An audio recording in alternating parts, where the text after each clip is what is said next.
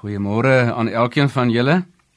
Ek het 'n tyd terug met julle die saligspreking in Matteus 5 hanteer, maar hierdie week wil ek graag gedeeltes uit die bergpredikasie met julle deel. Kom ons sluit net die oë. Here, ons verwagtinge is van U en ons vra nou dat U hierdie gedeelte sal seën. Amen.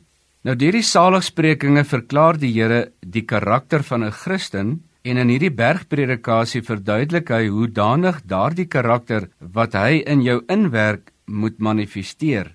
Matteus 5 vers 13 sê: "Julle is die sout van die aarde, maar as die sout laf geword het, waarmee sal dit gesout word? Dit deug nêrens meer voor as om buite gegooi en deur mense vertrap te word nie." Die vergelyking wat die Here hier tref om na die sout te verwys, het die uitdaging om ons te wys dat 'n Christen 'n toevoegingswaarde in die wêreld het.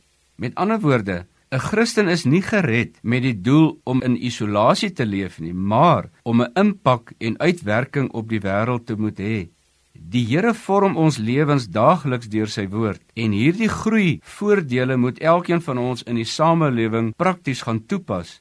Die wêreld is baie gebroke. Baie Christene is ook deur omstandighede op moeilike plekke van hulle lewe en ek en jy moet 'n inspraak in hulle gebrokenheid kan hê.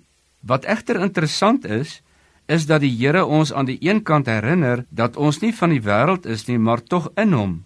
Ons moet ons dus nie negatief laat beïnvloed deur die wêreld nie, maar terwyl ons 'n hoopvolle impak of inspraak in ander se lewens moet inmessel, moet ons ons karakter as Christene behou, want ons dra die heerlikheid van God in ons optredes.